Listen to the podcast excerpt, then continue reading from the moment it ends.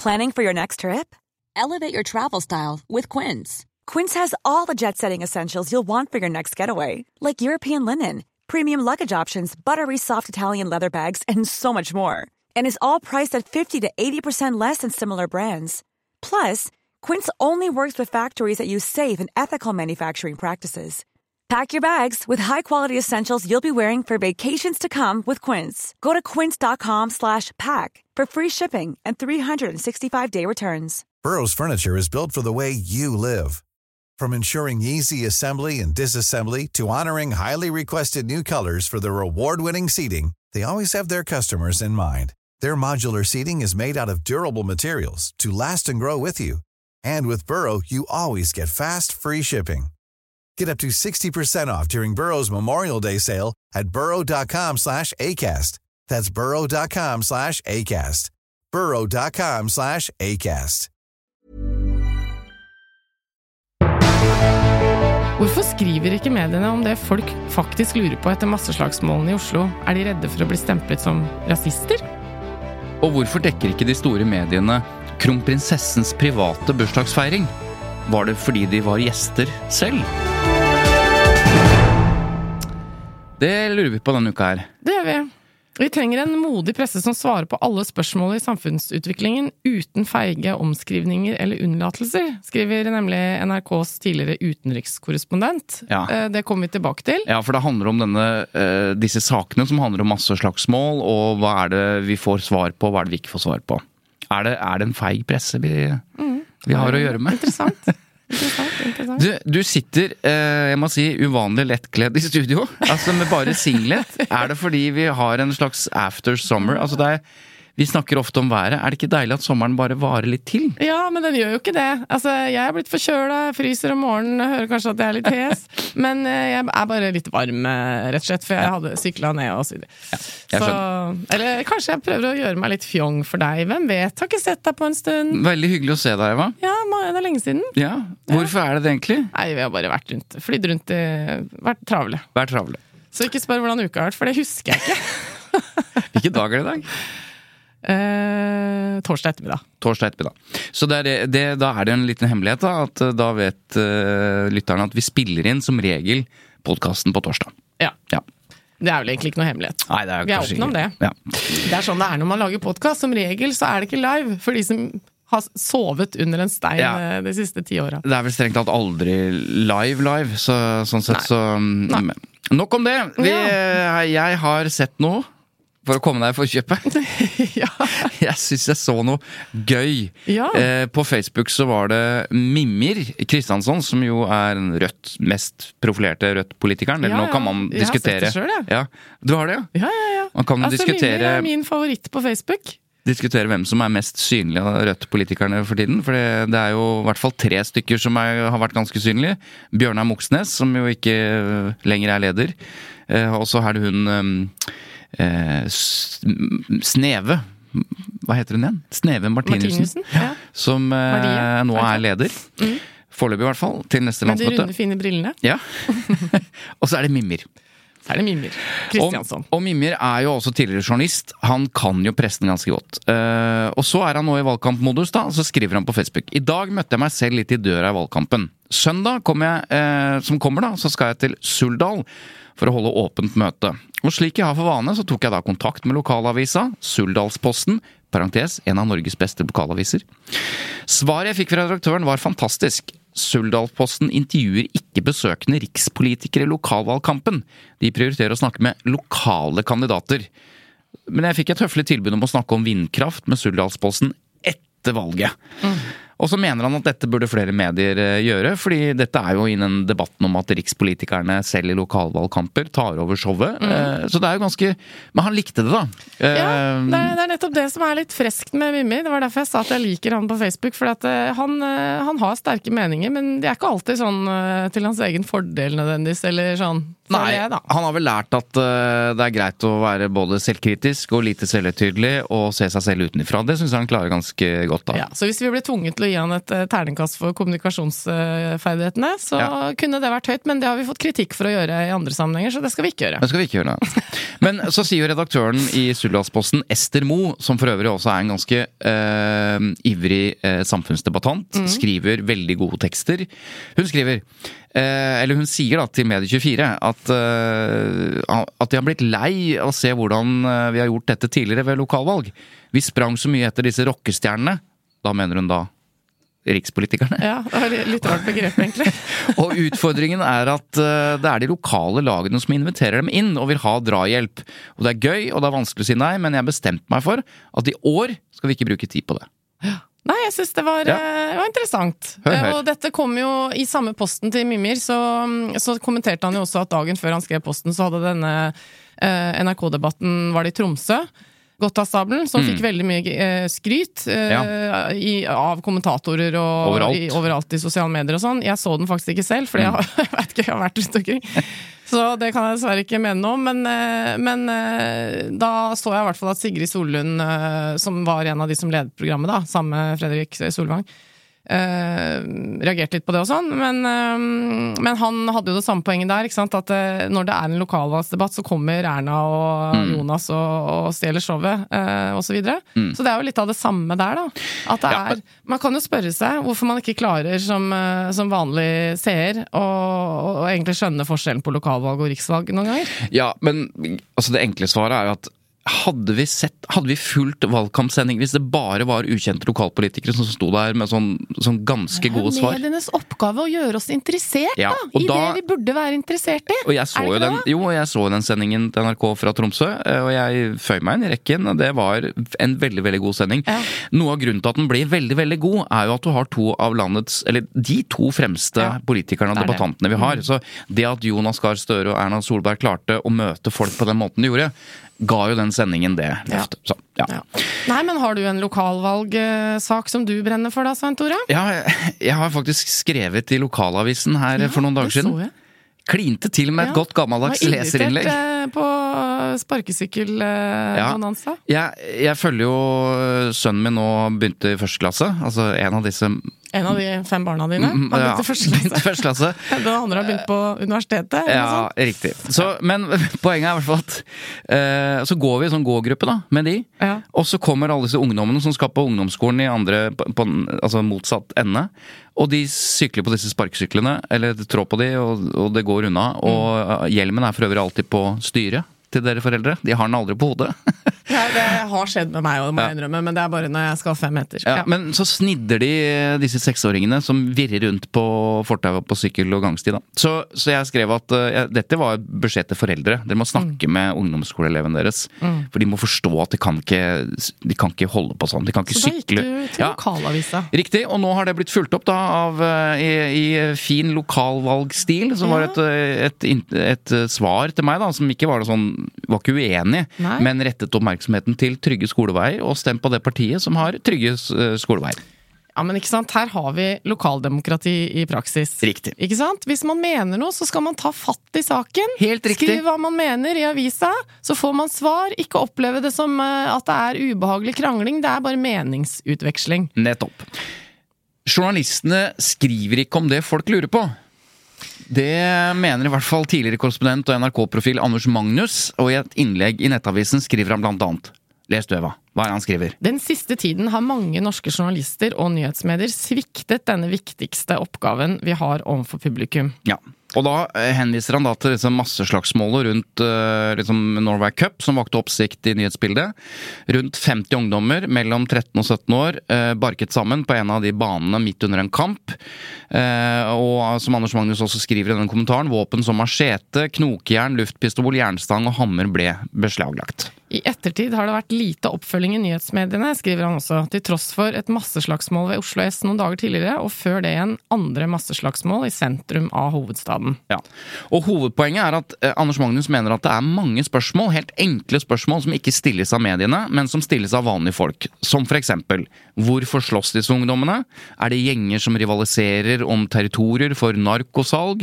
Hvor kommer ungdommene fra? Tilhører de bestemte grupperinger i befolkningen? Eh, Er de barn og unge fra innvandrerfamilier? Nettopp. Ja.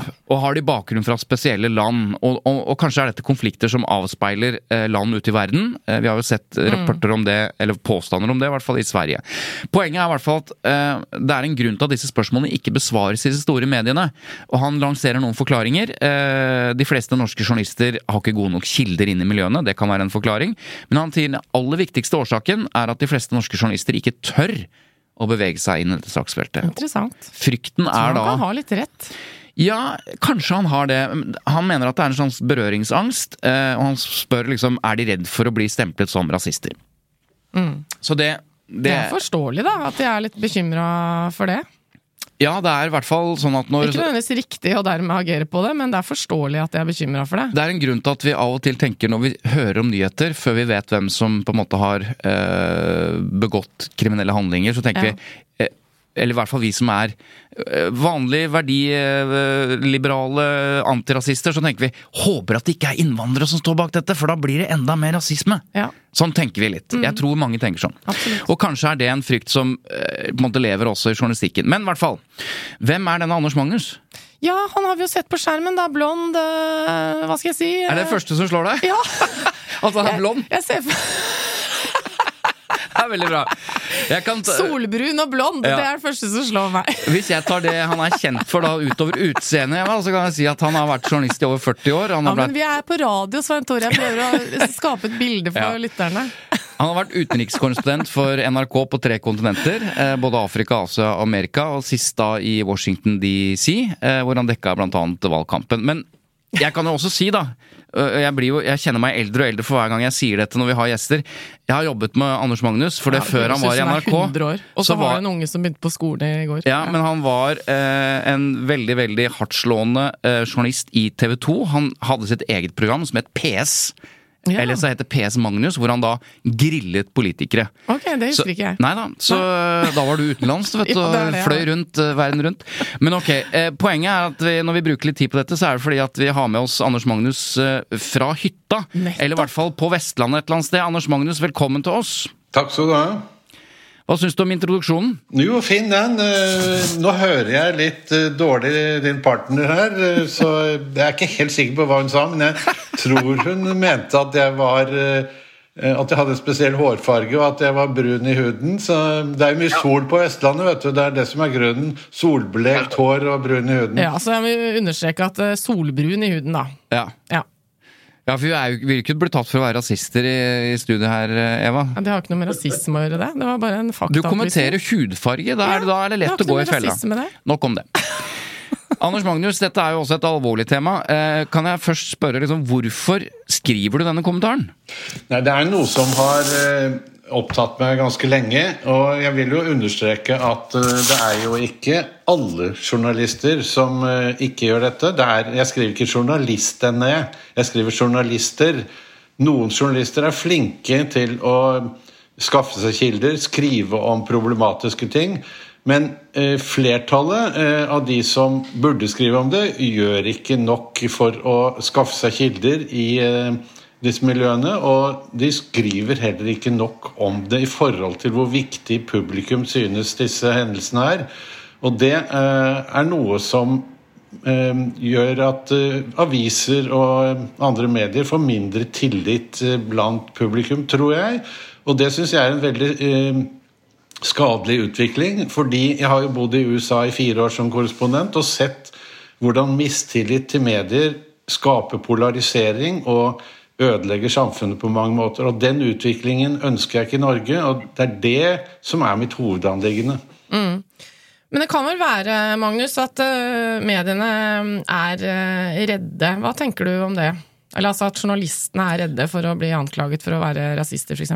Nei, jeg tror mange er det. øh, og- det er jo et slags, en slags fortelling blant en del journalister at man skal ikke skrive negativt om innvandrere, f.eks. Og det fører jo til at det ikke blir skrevet noen ting om innvandrere. Verken positive ting eller negative ting. Det er veldig lite stoff i mediene om den delen av befolkningen som har sine røtter fra utlandet. Og det skyldes jo, som jeg skriver, delvis at de har for få kilder i disse miljøene, og også at man er redd for å bli stemplet som rasist. Jeg tror det er en, en, frykt som gjelder mange journalister. og Jeg har jo selv blitt stemplet eh, både som rasist og Frp-er. Eh, og det er jo noe ingen journalister eh, liker. Er ikke det omtrent som det samme? Altså å bli stempla som, som Frp-er? Jo, det er jo omtrent det samme, og derfor så så, så, er jo det noe som mange journalister frykter, rett og slett. Og jeg har jo opplevd folk som har kommet til meg når jeg har laget reportasje både fra Oslo øst og Sverige og sagt at fint at du gjør dette her. Eh, for det er ikke Jeg tør ikke å gjøre det. Så eh, jeg har jo, jeg har jo selv hørt disse bekymringene. Mm. Men du, jeg har en refleksjon etter å ha lest, Anders. Altså, um, det kan jo være at mediene ikke er redde for å bli stempla som rasister, men at de er, ikke ønsker å bidra til skal vi si, stigmatiseringen av Eh, det som er Vi skal snakke om det begrepet også, sårbar ungdom. Det, er, det, kan jo hende at uh, det ikke handler om frykt uh, for seg selv, men det handler om frykt for hvordan samfunnet oppfatter helt, altså ganske komplekse problemer. Og at nettopp kanskje hudfargen, som det virker som du etterlyser litt, at vi skal si at det er innvandrerungdom. At det ikke er det viktigste, men, men faktisk at de er eh, i, eh, i, et del av en, et miljø, en gruppe, et samfunn, sosioøkonomisk eh, osv., som gjør at det er en grunn til at de slåss. Det er ikke primært fordi de er mørke i huden, men fordi de har det eh, utrolig vanskelig. Altså, Er du med på den, eh, liksom, den, refleksjonen? At det er stigmatiseringen som er frykten, og ikke å bli utsatt for rasismegreier? Det kan godt være noen tenker sånn, men det tror jeg er en veldig feilaktig tankegang. Og mitt anliggende er ikke hudfarge. Mitt anliggende er å få stilt de spørsmålene som eh, du leste opp noen av i starten. Eh, og jeg tror dette har like mye å gjøre med at man skriver eh, lite positive ting også om eh, innvandrermiljøer som negative ting. Men jeg synes at journalister har en plikt til å forfølge alle hendelser og få svar på hva som egentlig skjer. Eh, så jeg tror hvis man er redd for stigmatisering, så må man i hvert fall ikke la være å skrive om det, for da får man en uh, holdning ute i publikum at her er det noe journalistene skjuler for oss. Og det tror jeg er bidrar mye mer til stigmatisering enn å skrive åpent om både problemer og det som er uh, positive ting. Men så tror jeg det er en annen ting også som uh, er ganske problematisk, for du snakker om at noen mennesker har det veldig vanskelig. Veldig mange av innvandrerne kommer fra arbeiderklassen. Og er det noe journalister skriver lite om, så er det forholdene for arbeiderklassen. Norske journalister i dag tilhører middelklassen, en øvrig middelklasse. Skriver mye om sin egen eh, samfunnsklasse og deres problemer. Skriver veldig lite om arbeiderklassen. Ok, det, nå er jo ikke, vi har, vi har jo ikke en motdebattant til deg, så det var ikke hele poenget med denne, denne seansen heller. Så vi får gi deg eh, den motstanden vi kan. Når du sier at journalister ikke skriver om arbeiderklassen altså Journalistene har eh, ved jevnlig, og nå hvis vi sier journalister som sådan, da, har jo jevnlig det vi kaller positiv kampanjejournalistikk. Eksempel eh, all fokuset på dyrtid, fattigdom, nye problemer knyttet til mennesker som hadde ok råd, som nå har veldig veldig dårlig råd, hvor innvandrerbefolkningen eller, eh, eller eh, med innvandrerbakgrunn er stor del. Det har jo vært veldig stort fokus på fattigdom i Norge. Eh, så det er jo ikke sånn at journalister ikke skriver om det du kaller arbeiderklassen. De skriver jo om de som sliter med å få endene til å møtes, konfrontere politikere med det osv. Men da er det jo ikke nødvendigvis da knyttet til innvandrerbefolkning spesielt, men, men fattigdom generelt. Er du ikke enig i det? Jo da, og det som det ble skrevet om, er uh, intervjuer med politikere som mener noe om dette, men du ser veldig lite reportasjer om uh, med intervjuer av de som faktisk er i arbeiderklassen. Hvor mange intervjuer har du sett med folk som jobber i butikker, som jobber uh, som vektere, som jobber i byggebransjen og sånne ting, og, og eh, spesielt om deres arbeidsvilkår? Hvor mange intervjuer har du sett om det som foregår i Groruddalen, både av positive og negative ting? Jeg tror at det er en mangel på journalistikk. Eh, både når det gjelder klasse, men også når det gjelder bakgrunn, som jeg etterlyser. Så det er, det er ikke bare snakk om negative ting som jeg vil ha på bordet. Jeg vil ha på bordet eh, en journalistikk som er mer omfattende, og hvor man tør å gå inn i vanskelige saker, uavhengig av hvilke miljøer det dreier seg om. Eva, du, du, jeg har en kommentar, sier ja, du. Etter ditt lange spørsmål, fordi jeg er veldig enig med Anders Magnus her, og jeg tror at noe av utfordringen er nettopp det resonnementet du hadde, om at med en gang det er snakk om disse gruppene, og at man skal gå inn i dem, så handler det om hudfarge. Det gjør jo ikke det. Så den slutningen om at hvis vi skal skrive mer om dem, så øker vi stigmatisering mot en viss gruppe som ser ut på en viss måte og har en viss hudfarge, det er jo liksom det som er problemet. At vi setter den gruppa i en bås. Det er jo ikke det Magnus er ute etter. Han er ute etter å finne ut hva er det som ligger bak denne ungdomsgruppas Jeg skjønner det, men hvis du ser et, hvis Og de kommer jo fra masse forskjellige steder. Det handler jo ikke om hudfargen deres. La meg få dele noen av mine egne erfaringer. fordi da jeg Eh, laget en reportasje eh, fra Oslo øst, så snakket jeg med fryktelig mange innvandrere. Og det de klaget over, var jo at det er jo ingen som ser oss. Du er jo eh, en av få som kommer hit og snakker med oss, og vi har jo mange problemer som vi gjerne vil snakke om med journalister, men det er jo ingen som kommer og snakker med oss. Det er kanskje det aller største problemet.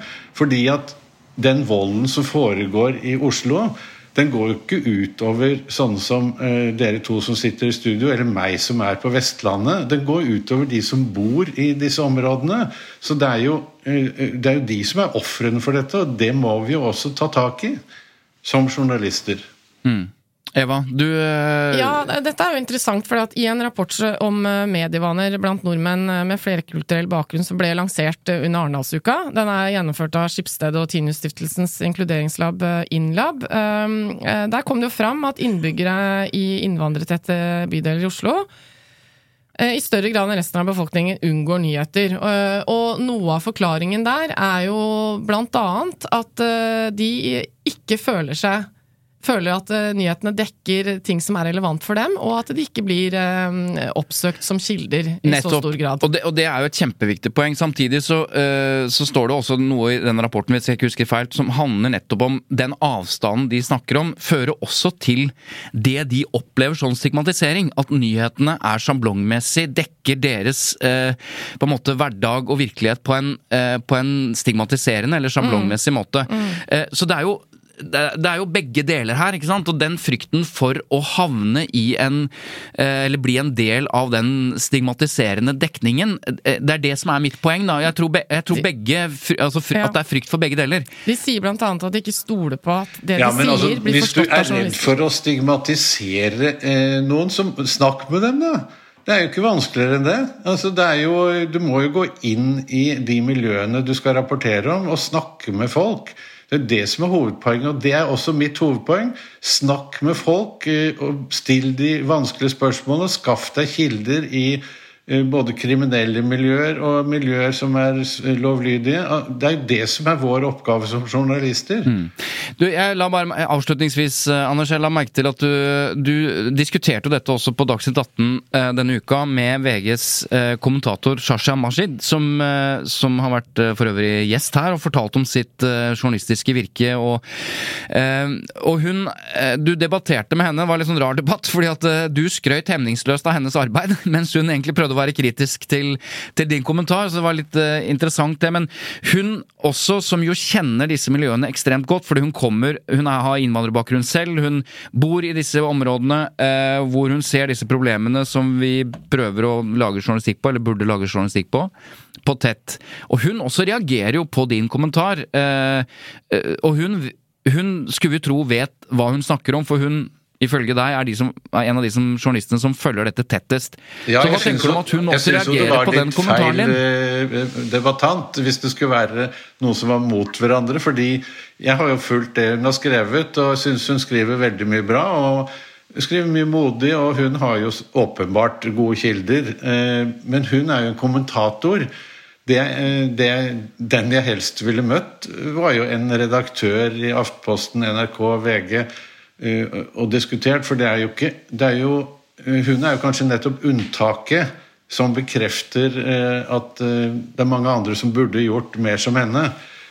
Så, sånn sett så ble det en litt rar diskusjon under koronatiden så var det jo også det samme utfordringen. ikke sant? At det var mye smitte i bydeler som var innvandrertette. Og der var jo også hun en av de som prøvde å oppsøke miljøene og sånn, ja. fordi hun har kilder der. Så hun er jo unntaket. Og så skal vi da bare minne hverandre på at uh, hun var liksom forutseende, for hun skrev vel et eller annet om at uh, når hun går inn i den debatten her Eller hun sa det vel også på, uh, i debatten, Anders Magnus, at nå etterpå så Hvis hun trekker til den ene siden og mener noe kritisk om muslimer, så får hun voldsom reaksjoner og hets fra fra noen innvandrermiljøer.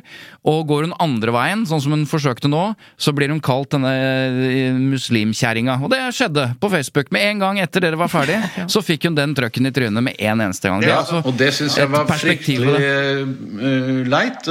Men, uh, og, men det er jo fryktelig mange troll der ute. Uh, og folk som ikke oppfører seg ordentlig. Eh, jo, men, men, eh, når det er sagt, så er hun ikke den eneste som får eh, alle disse skjellsordene.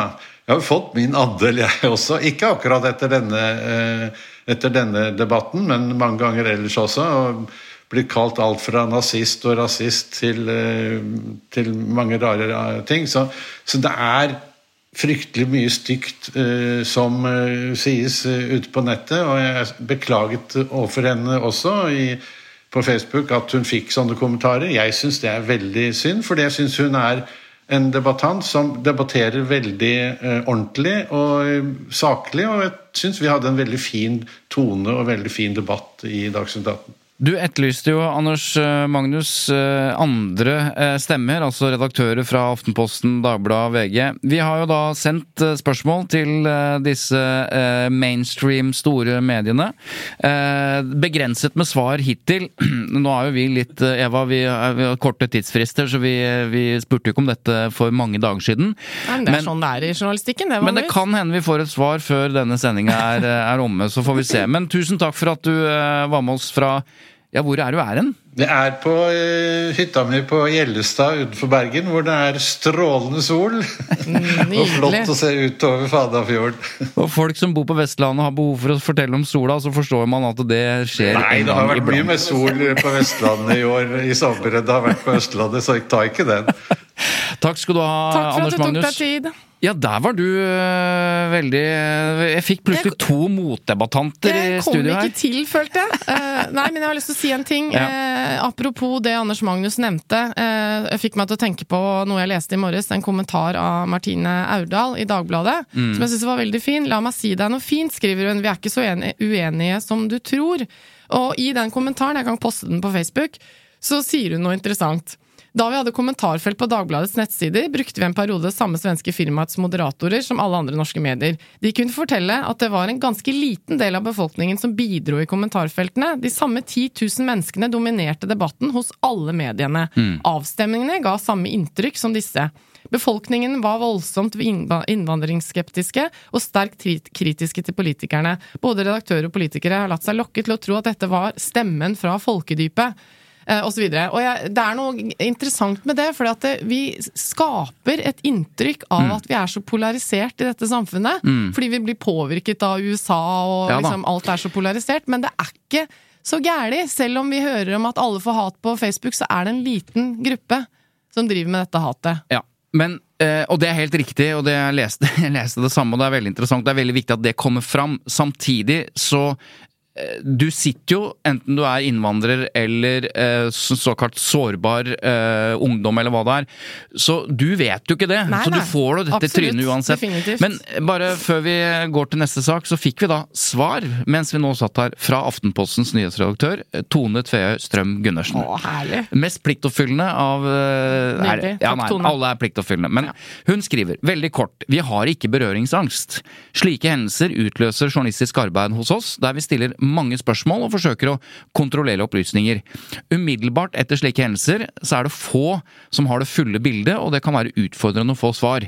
Jeg legger ved et par eksempler som jeg mener viser hvordan vi går skikkelig inn i denne tematikken. Og så viser hun da til eh, artikler som Aftenposten har, eh, har, hatt, som hun mener viser at, eh, at de eh, dekker dette på en ordentlig måte og stiller de spørsmålene. Ja. For eksempel så er det en artikkel om, som har overskriften 'De er gutter, de flytter hyppig, og far er borte'. Dette er de unge som gang på gang begår kriminalitet. Ja, ja, det og det er en veldig eksempel. god artikkel i Aftenposten som, eh, som handler om nettopp dette.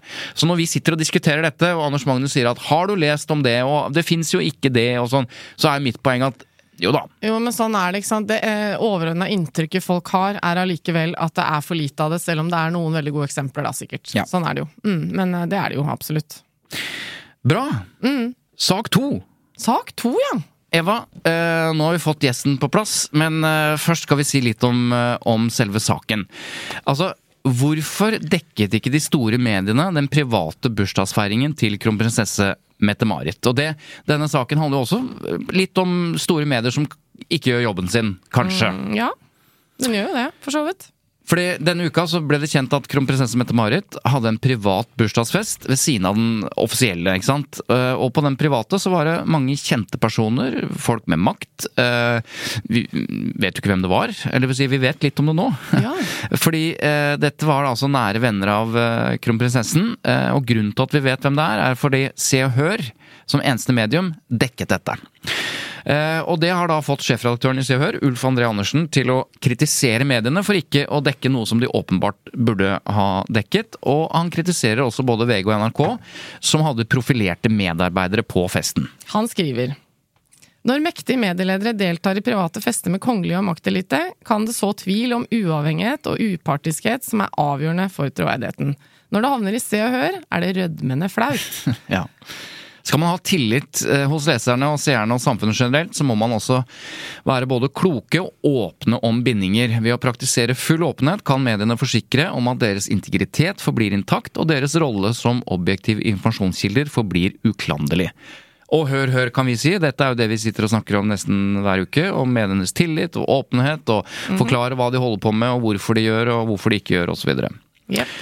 Men du, da er det vel på tide å si eh, velkommen til sjefredaktør i Se og Hør, Ulf André Andersen. Tusen takk. Ehm, først to ord om at det sitter en Se og Hør-redaktør rundt bordet her. Jeg bare nevner Eva. Du, har, du, har du noe issues med det, med tanke på din eh, tidligere karriere? Ja, takk som spør. Vær så god. Eh, For eh, ja, 10-15 år siden så hadde jeg kanskje hatt det. Ja. Eh, Jeg skal være ærlig på det. Men uh, Ulf og jeg har vært på NRK og på Marienlyst og debattert, vi. Og så merka jeg på vei ut at uh, han er en fin fyr.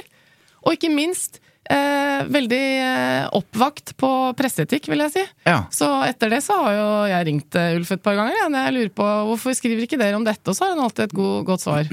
Eller Hva- hvorfor gjør dere Hva sånn? sier, hva sier du om den attesten, Ulf? Ja, det var jo veldig hyggelig, for det, vi har jo alltid hatt stor respekt for Eva Sandøm. Særlig den perioden hun satt i Pressens faglige utvalg. ikke sant? Jeg regner med at ikke du ble feit på, i lommeboka på den jobben der. Og, men eh, det må jo sies å være helt ærlig på at vi var ikke alltid enige. Det var vi ikke. Nei, men jeg har stor greit. respekt for at du har andre synspunkter.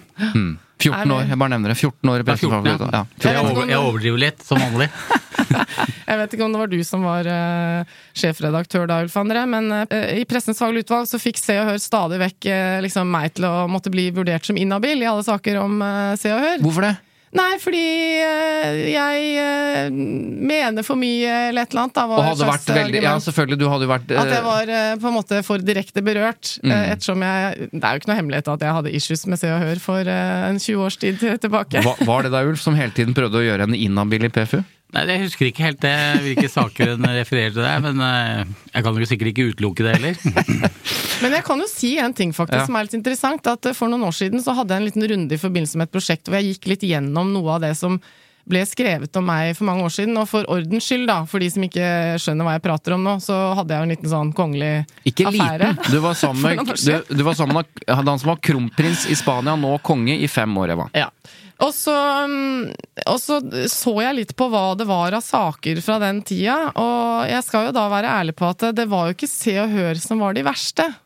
Men eh, problemet i en sånn situasjon, når man står i medienes søkelys, er jo at eh, eh, man får bare en sånn opplevelse av at det er massivt fra alle kanter. Og så er de norske mediene en del av det, og de utenlandske en annen del av det. Og så blir det jo veldig mye. Men det som er forskjellen på tabloide medier i Norge kontra de verste i England og Spania osv., er jo at de følger presseetikken i ganske stor grad. Men det kan også være litt irriterende når du er i situasjonen. Alt, at- er det irriterende at de følger presseetikken? ja, ja, nå skal jeg forklare hva jeg mener med det. At uh, spanjoler og engelske pa- paparazzoer, de kan ligge i busken. Mm. Eh, og gjemme seg, sånn at du ikke vet at du blir fotografert. Ja. Min opplevelse er at de norske tilsvarende journalistene De vet jo at de skal jo helst gi seg til kjenne. Så da, de er mer åpenlyse. Mm. Men da er de også det er mer oppi trynet ditt. Men når du tenker over det i ettertid, så er det i hvert fall mer fair, da. Stemmer dette med Ja, sånn som det, er, ja, det vil jeg si det gjør. eh, Og så er det jo det at Se har jo en image at eh, vi holder på med mye rart, liksom. Selv om vi ikke mener alltid sjøl, så er jo det en image der ute, og da er det noe vi må leve med. Så, men eh, jeg kan jo fortelle med mitt første møte med Eva Sanne, som ikke hun husker da, men som jeg eh, Mitt møte med deg, det var Eller mitt, ditt navn da kom opp i min verden, det var det var Krumpens bare skulle gifte seg, og da hadde de et party på Skaugum. Ja. Eh, og da var jo Eva Sandum hot news i Dagbladet, som jeg også jobba da, og Se og Hør og alle sammen. ja, for da var du jo sammen med kronprins Filippe og var invitert på dette Ja da, Det er, det er vel fair å si at hele Medie-Norge jakta på dere den helga der, altså ville vise at de hadde bilder av det. Ja, og da jeg flytta til hemmelig adresse. Ja, og da husker jeg at på kvelden her så dro dere hjem fra den festen, og da hadde jo vi i Dagbladet bestemt oss det her nå skal vi ta og se og høre. Og da, da kjørte vi etter, helt ærlig, og, og da ble det liksom et race, og da stilte Var det hjem fra den uh, ungdomsfesten, som de kalte det? på Ja, stemmer. Ja, og da ble det ordentlig baluba nede i Operatunnelen, for da stengte de spanske sikkerhetsvaktene hele veien. Ah. Så det var liksom, de sto på tvers i veien, og det ble ordentlig trafikkaos der. Jeg tror ikke du fikk med deg det, men vi fikk i hvert fall med oss det. Kan hende at jeg fikk det litt med meg, men jeg husker det ikke. Det gjør jeg ikke.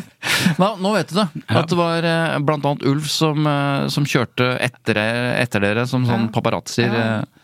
Nei, ja, jeg husker jeg måtte bo eh, på et hemmelig sted for å prøve å unngå alt dette her, da. Ja, ja.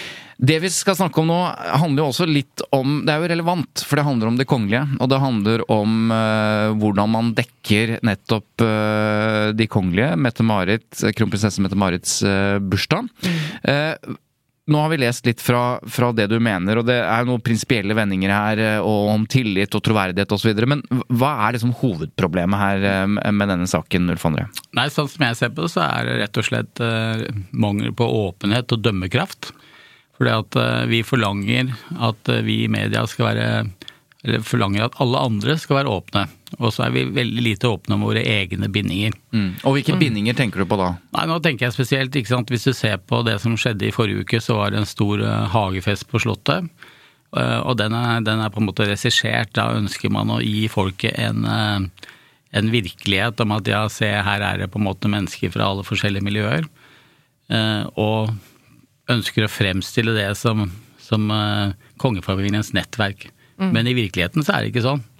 Og det veit mediene. De var sjøl til stede på den private festen til Mette-Marit, men de informerer ikke om det. Og da mener jeg det blir helt feil at man prøver å fortelle en virkelighet som da Slottet regisserer, mens det er noe helt annet som skjer. Ja, for da mener du at det egentlige nettverket til kronprinsparet og kronprinsesse Mette-Marit, det, det kommer til syne i den private festen. Og der var det, du nevner to i hvert fall sentrale norske mediepersonligheter. Anders Giæver i VG, kommentator, og Hege Duckert. Hege Duckert, som er rådgiver for kringkastingssjefen, tidligere Dagbladet-journalist, tidligere kollega av, av deg, Ulf André.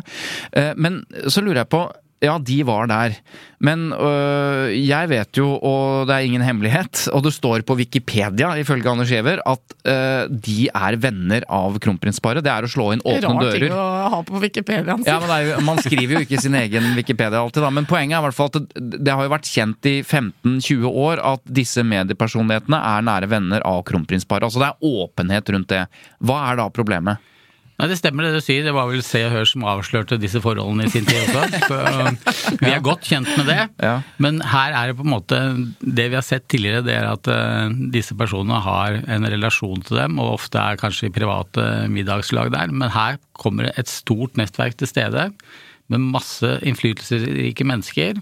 Eh, Og da mener jeg at eh, det er offentlig interesse å, fortelle om det, og Jo, det, er- og det er viktig. Og, og så er det det at eh, dilemmaet kommer, som eh, hvis du leser intervjuet med nyhetsredaktøren i kampanje, så sier hun at eh, vi skulle selvsagt vært til stede. Ja, Nyhetsredaktøren i VG som sier til kampanje. Ja, Ja. nettopp. som sier nettopp det, at eh, vi skulle gjerne vært til stede, hadde vi visst om det. Og her har de en medarbeider, en sentral medarbeider i redaksjonen som er der, og som ikke sier fra. Så er det et dilemma. Hvem er den personen mest lojal til? Er det da til kronprinsparet eller til sin egen arbeidsgiver? Ja, Det er et ganske interessant dilemma, Eva. Altså, Hvis du er der som venn, Ja. og du jobber i VG Anders Giæver er der som venn, men han jobber i VG. Han har åpenbart ikke sagt noe til Tora eh, Bakke Håndlykke, som er nyhetsredaktør, om at dette foregår. Mm. Og hun sier jo til og med, som Ulf sier, at hadde vi visst, osv.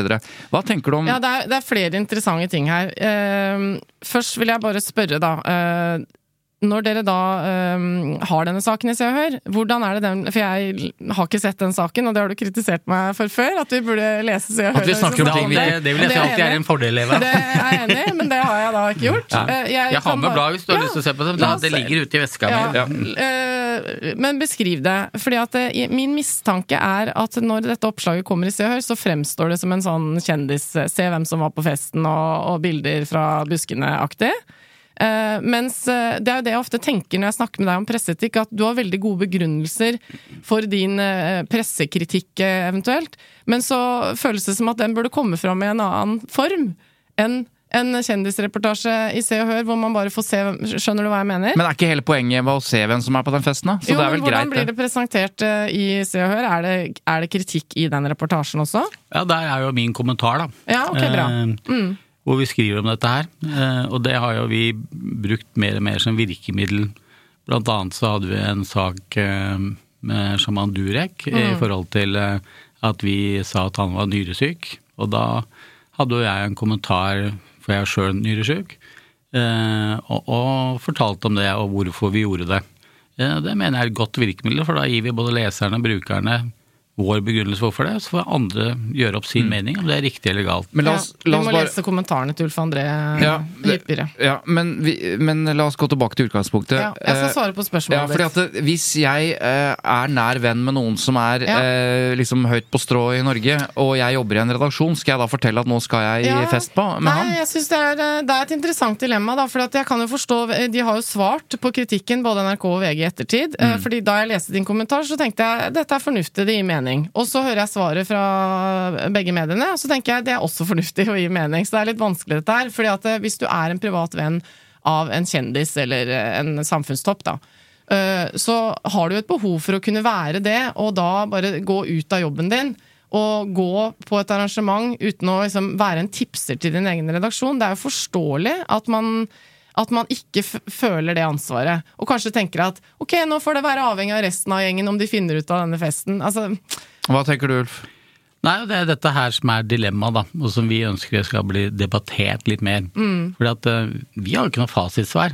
Jeg, jeg skjønner jo dilemmaet, jeg også, og derfor Ja. er det interessant å prate om det.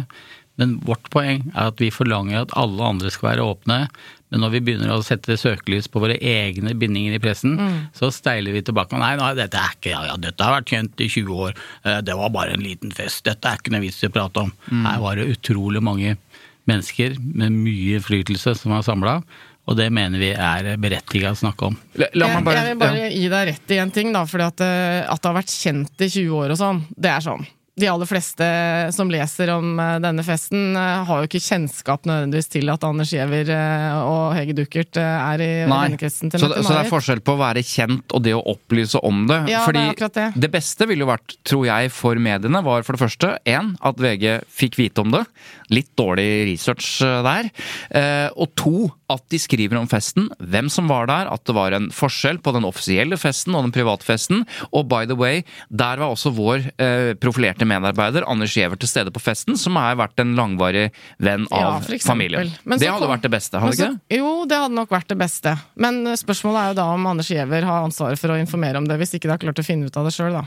Men eh, vi kommer jo da til det neste problemet, eh, som er litt vanskelig å ha en sterk mening om, og det er skal kronprinsesse Mette-Marit få lov til å ha en privat bursdagsfest? Og da kommer vi til et nytt dilemma. Hvordan skal hun løse det? Da har kanskje valget om å gå på et offentlig sted ikke vært det smarteste.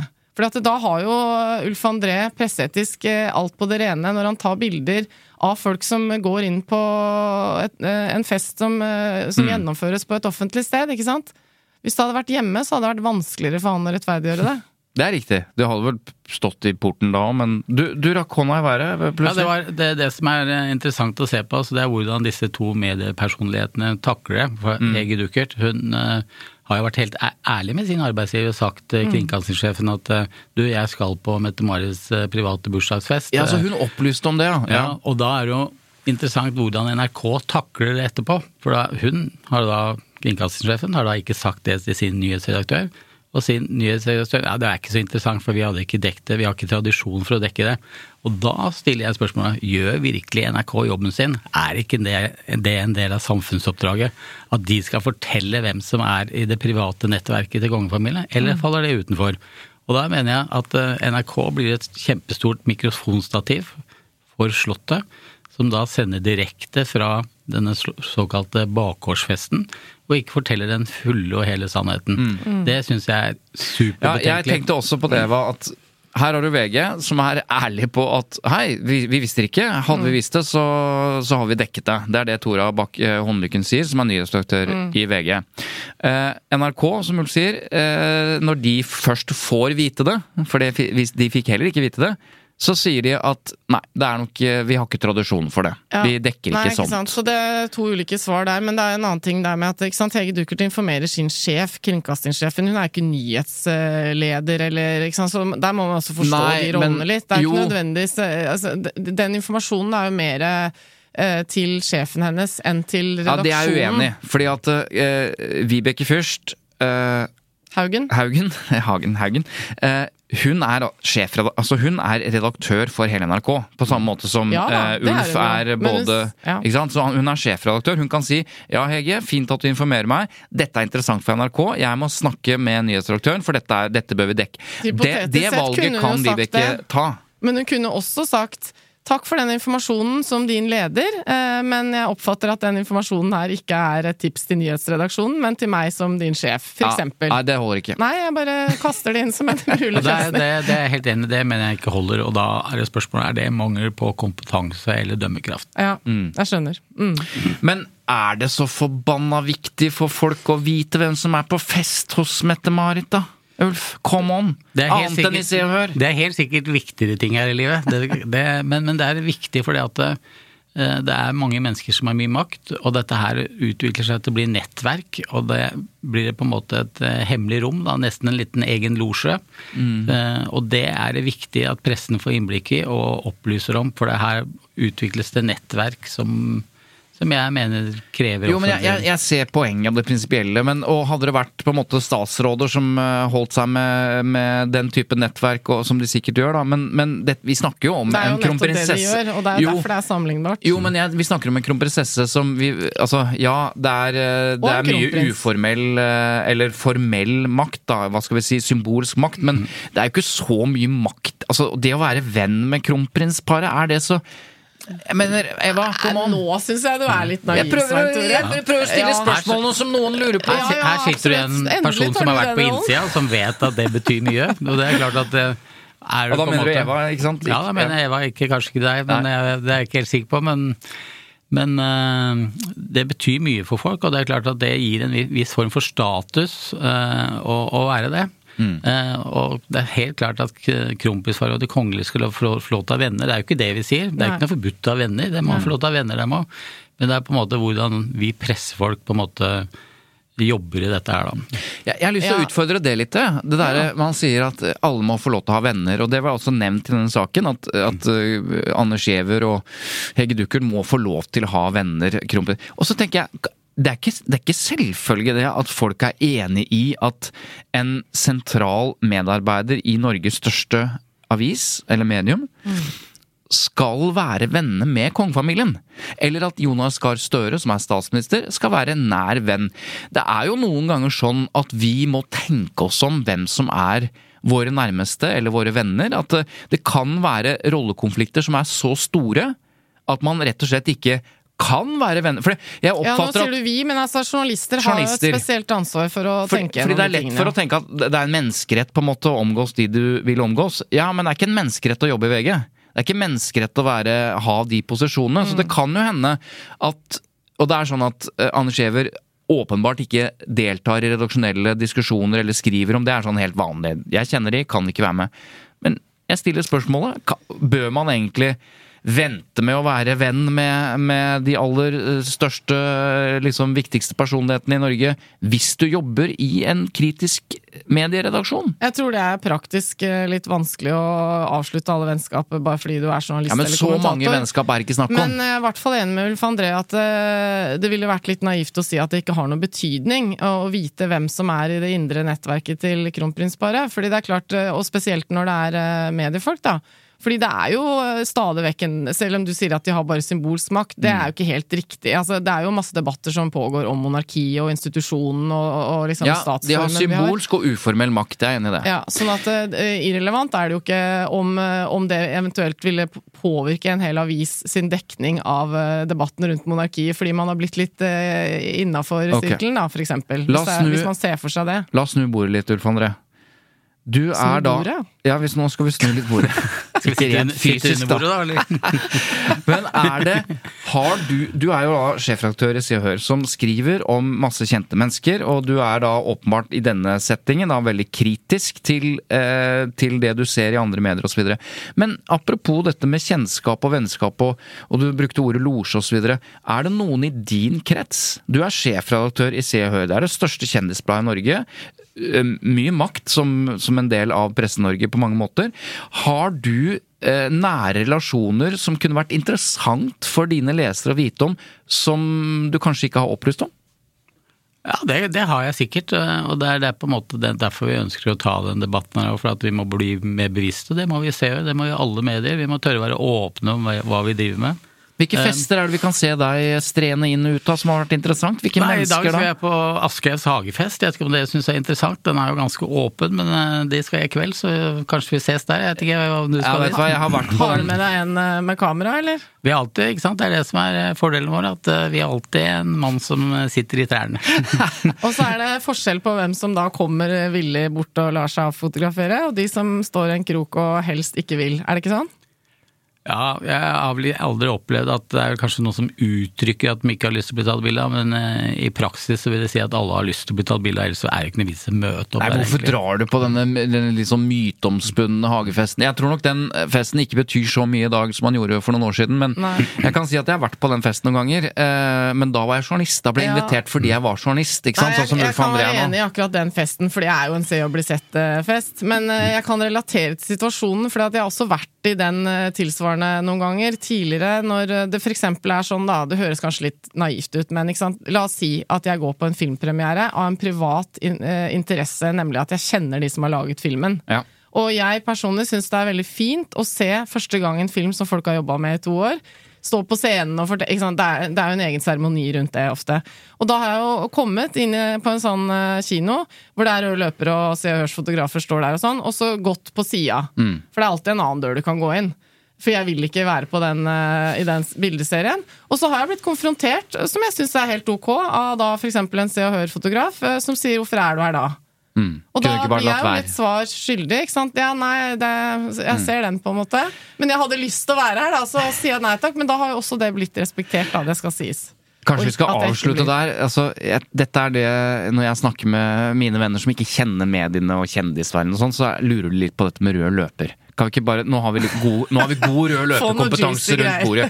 Nei, for det, det jeg har lagt merke til, for jeg har jo vært på noen av disse premierene selv, men jeg Du går på den, for å si det sånn. Ja, ja, ja, men jeg blir ikke tatt bilde av, for at det er ingen som vet hvem jeg er eh, lenger. Dessverre. Det er ingen som vil ta bilde av meg! Nei, det er poenget. Jeg ser jo at folk Ok, det kommer en veldig kjent par, og så knipses det, ikke sant. Se, Hør og VG og da, alle sånn.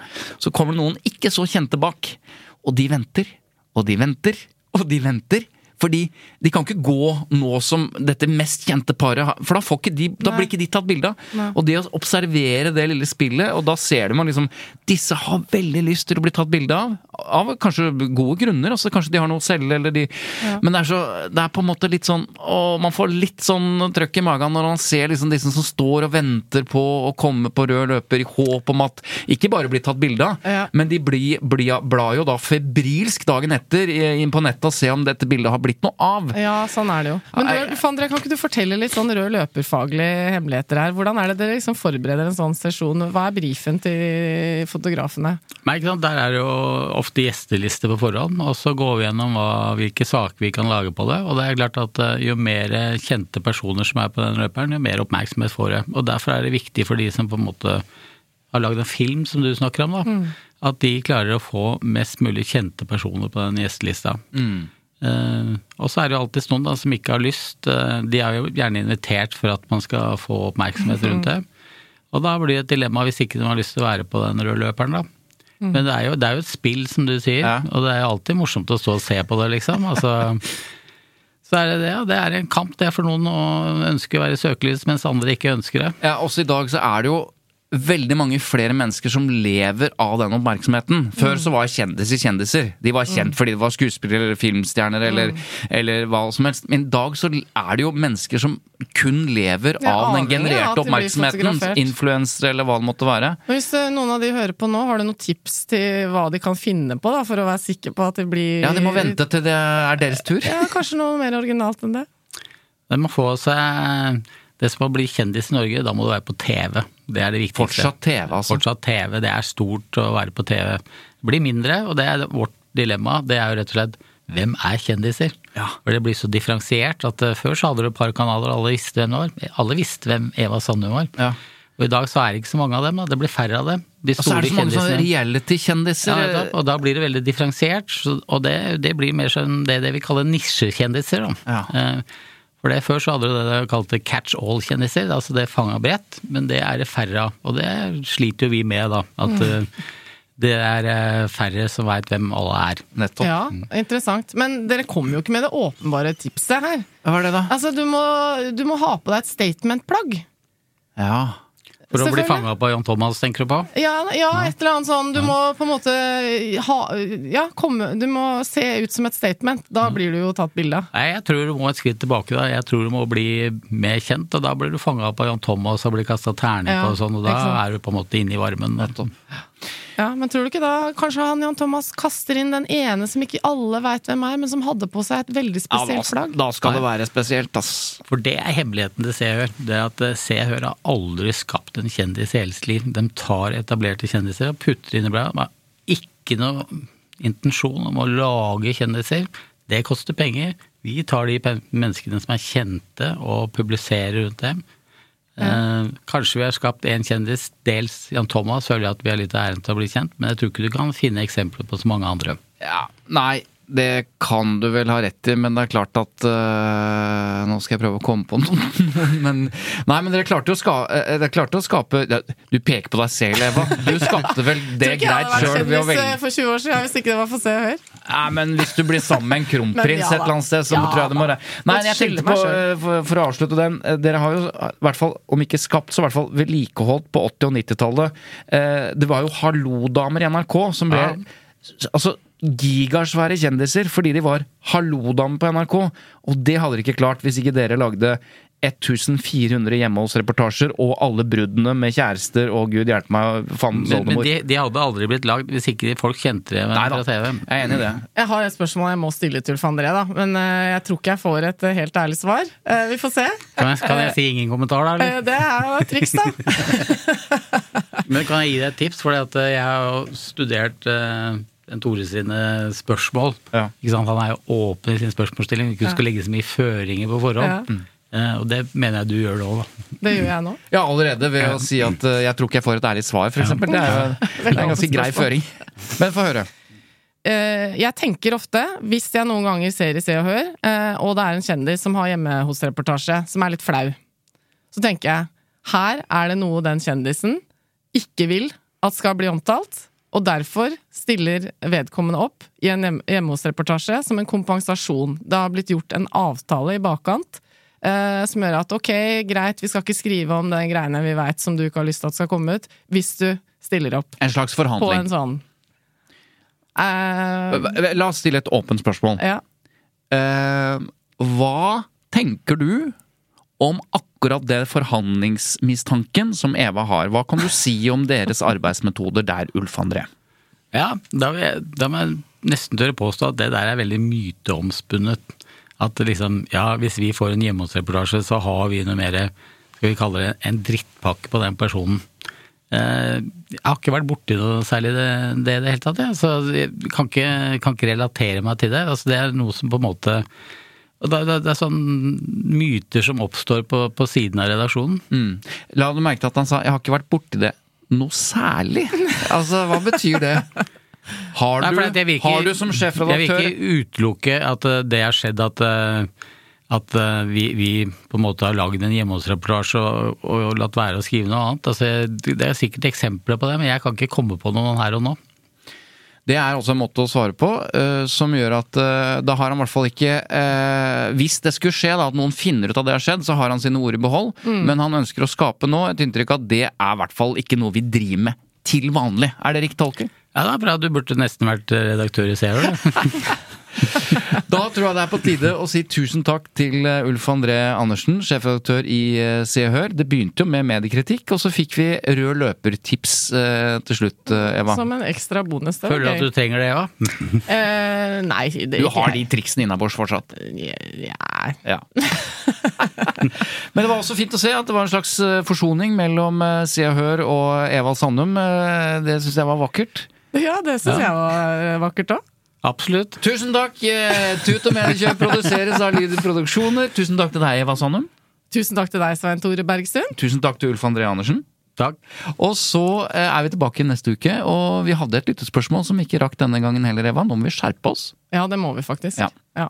Så det lover vi. Eh, og sier Kan du love det, Svein Tore? Nei, ja, lo, løfter blir jo brutt hele tiden. Det er Ja, vi vant til er disse valgkamptider, så jeg, jeg tar sjansen på det. Ja. Takk for at du hører på, og send oss gjerne da på tut at lyderproduksjoner.no. Noe mer du har lyst til å si? Lik og del. God helg. Lik og del. Hei. Lik og del. Lik og del.